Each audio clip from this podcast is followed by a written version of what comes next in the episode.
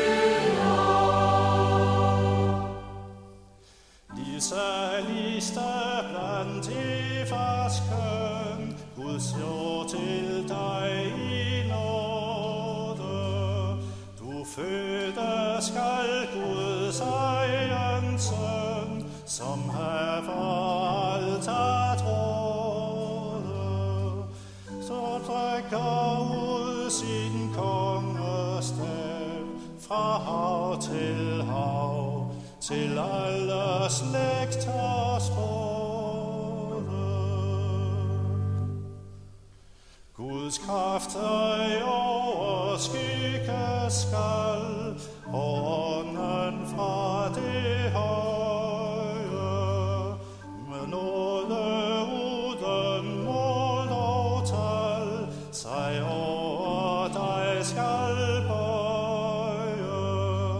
Og Jesus er hans søde navn, som du i favn skal se med mod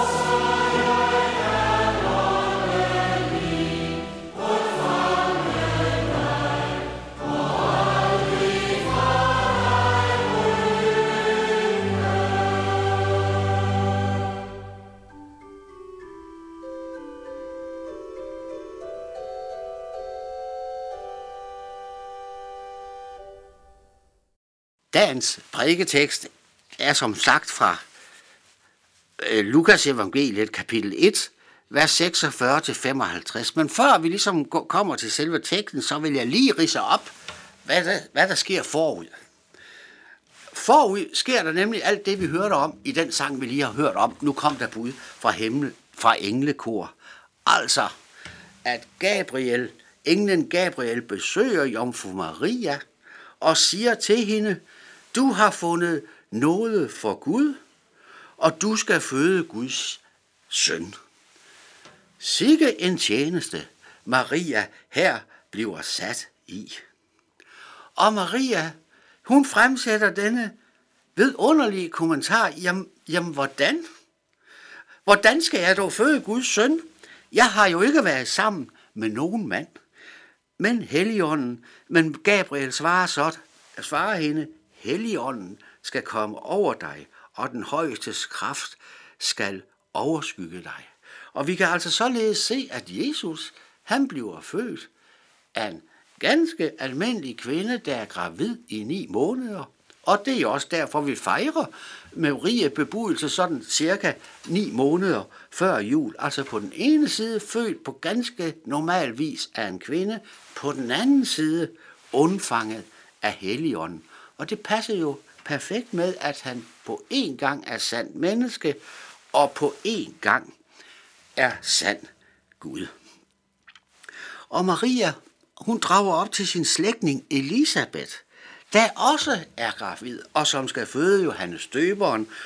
Og Elisabeth hilser Maria og siger til hende, Velsignet er du blandt kvinder, og velsignet dit livs frugt.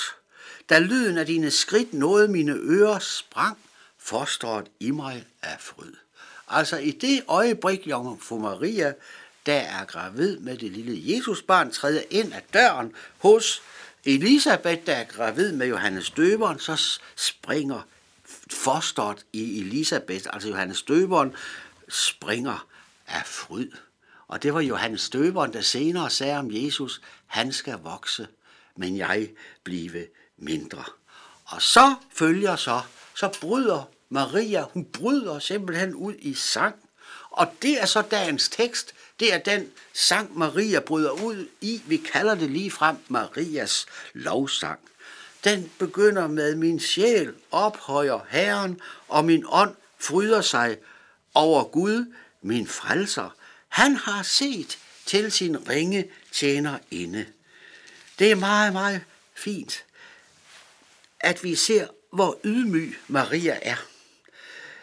Han har set i nåde til sin ringe tjener inde, for herefter skal alle slægter prise mig salige, til den mægtige har gjort store ting mod mig. Alle slægter skal altså prise Maria salig. Jo, vi kan roligt sige, at Maria er kommet til at spille en meget, meget stor rolle i den kristne kirke, og det vender jeg lige tilbage til til sidst. For Maria fortsætter så med at sige, Helligt er hans navn, og hans barmhjertighed mod dem, der frygter ham, var i slægt efter slægt. Han har øvet vældige gerninger med sin arm. Og så skal I bare høre, han har splittet dem, der er hovmodige deres hjerters tanker. Han har styrtet de mægtige fra tonen og har ophøjet de ringe. Sultne har ham mættet med gode gaver, og rige har han sendt tomhændet bort. Vi kan sige det på en anden måde. Gud har vendt op og ned på alle vores begreber.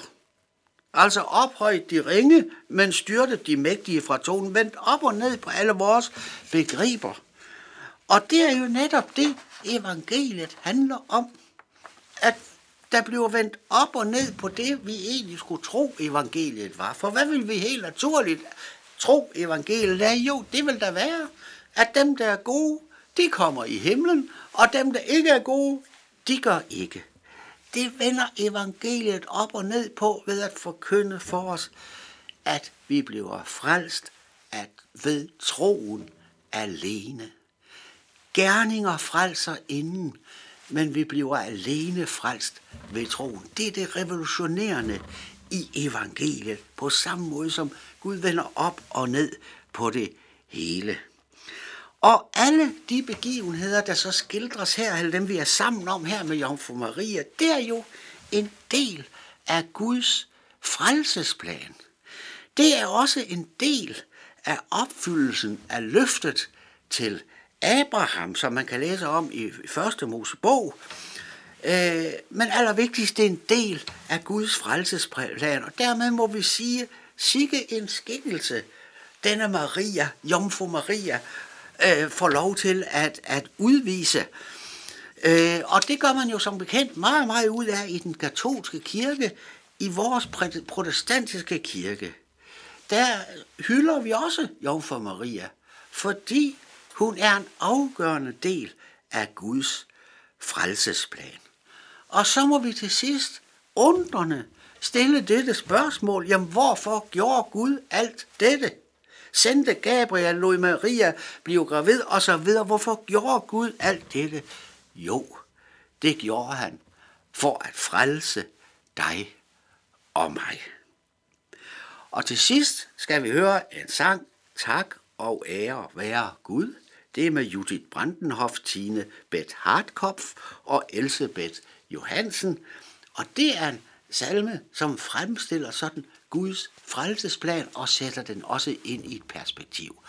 Ole Røg Schmidt siger mange tak til alle, der hørte på.